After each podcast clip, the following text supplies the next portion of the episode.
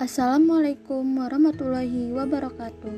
Hai semuanya, pepatah mengatakan bahwa tak kenal maka tak sayang. Di materi podcast kemarin kan sudah berkenalan. Sekarang sudah sayang belum? Hmm, sayang. Maksudku sayang dengan materi pembahasannya ya. Oleh karena itu sebelumnya saya akan memperkenalkan diri lagi terlebih dahulu agar kalian tidak lupa. Selamat datang semuanya. Perkenalkan nama saya Ranti Marani dari kelas 11 IPS 1. Saat ini saya bersekolah di salah satu sekolah kader bangsa di Indonesia yang bernama SMA Plus PGRI Cibinong. Di episode kali ini, saya akan membahas materi tentang upaya-upaya pemulihan atau recovery pasca konflik. For your information ya, terdapat lebih dari 1.300 suku bangsa di Indonesia yang tentunya antara satu dengan yang lain berbeda-beda dengan keunikannya masing-masing. Keberagaman ini menjadikan Indonesia salah satu negara dengan budaya paling kaya di dunia. Seperti dua mata sisi uang, keberagaman ini juga dapat memicu terjadinya konflik. Nah, setelah konflik selesai, biasanya muncul kerusakan-kerusakan fasilitas, bahkan trauma bagi masyarakat. Untuk menyembuhkannya, perlu adanya upaya pemulihan atau recovery. Oleh karena itu, kali ini kita belajar yuk upaya-upaya pemulihan yang dapat dilakukan pasca konflik. Dengarkan podcast ini dengan baik ya. Recovery atau pemulihan mempunyai arti mengembalikan dan memperbaiki keadaan akibat konflik.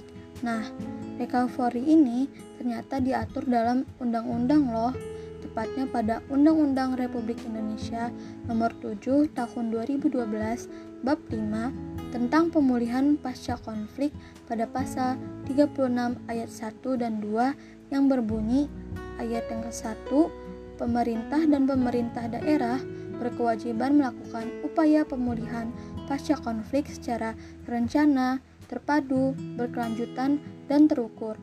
Ayat kedua disebutkan upaya pemulihan pasca konflik sebagaimana dimaksud pada ayat pertama meliputi rekonsiliasi, rehabilitasi, dan rekonstruksi. Yuk, aku bahas satu-satu cara-cara pemulihan atau recovery pasca konflik. Yang pertama, rekonsiliasi. Nah, kalian pasti bertanya-tanya, apa itu rekonsiliasi? Karena disebutkan dalam pasal di atas kan? Nah, rekonsiliasi adalah upaya penanganan konflik dengan cara berunding secara damai dapat dilakukan dengan menggunakan institusi adat atau peran sosial dalam menyelesaikan konflik sosial dengan jalan pemberian ganti rugi atau dengan pemaafan. Rekonsiliasi ini jalan untuk merukunkan atau mendamaikan pihak yang berkonflik ya teman-teman. Yang kedua ada rehabilitasi. Nah, kalau rehabilitasi ini meliputi perbaikan dan pemulihan semua aspek masyarakat seperti pada kondisi sebelumnya. Contohnya seperti pemulihan psikologis korban konflik dan perlindungan kelompok yang rentan, lalu ada pemulihan kondisi sosial ekonomi, budaya, keamanan, dan ketertiban. Yang ketiga ada perbaikan dan pengembangan lingkungan dan atau daerah perdamaian. Ada penguatan relasi sosial yang adil untuk kesejahteraan masyarakat. Lalu ada penguatan kebijakan publik yang mendorong pembangunan lingkungan dan atau daerah perdamaian berbasiskan hak masyarakat, lalu pemulihan ekonomi dan hak keperdataan, serta peningkatan pelayanan pemerintah dan yang lain-lainnya.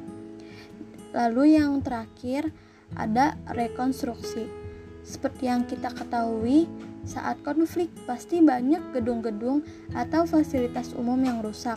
Nah, untuk membangunnya kembali perlu adanya rekonstruksi yang artinya membangun kembali semua prasarana dan sarana serta kelembagaan pada wilayah konflik yang tentunya dilakukan oleh pemerintah dan pemerintah daerah. Dengan penjelasan di atas, sekarang sudah tahu dong apa saja upaya pemulihan atau recovery pasca konflik. konflik hanya akan membawa kehancuran saja bagi masyarakat dan dalam upaya pemulihannya butuh bertahun-tahun untuk dapat kembali seperti semula. Maka dari itu, selalu hargai dan hormati keunikan masing-masing individu ya untuk Indonesia yang maju dan damai. Oke teman-teman sekalian, itulah materi upaya-upaya pemulihan atau recovery pasca konflik. Sekian dari pembahasan saya. Wassalamualaikum warahmatullahi wabarakatuh.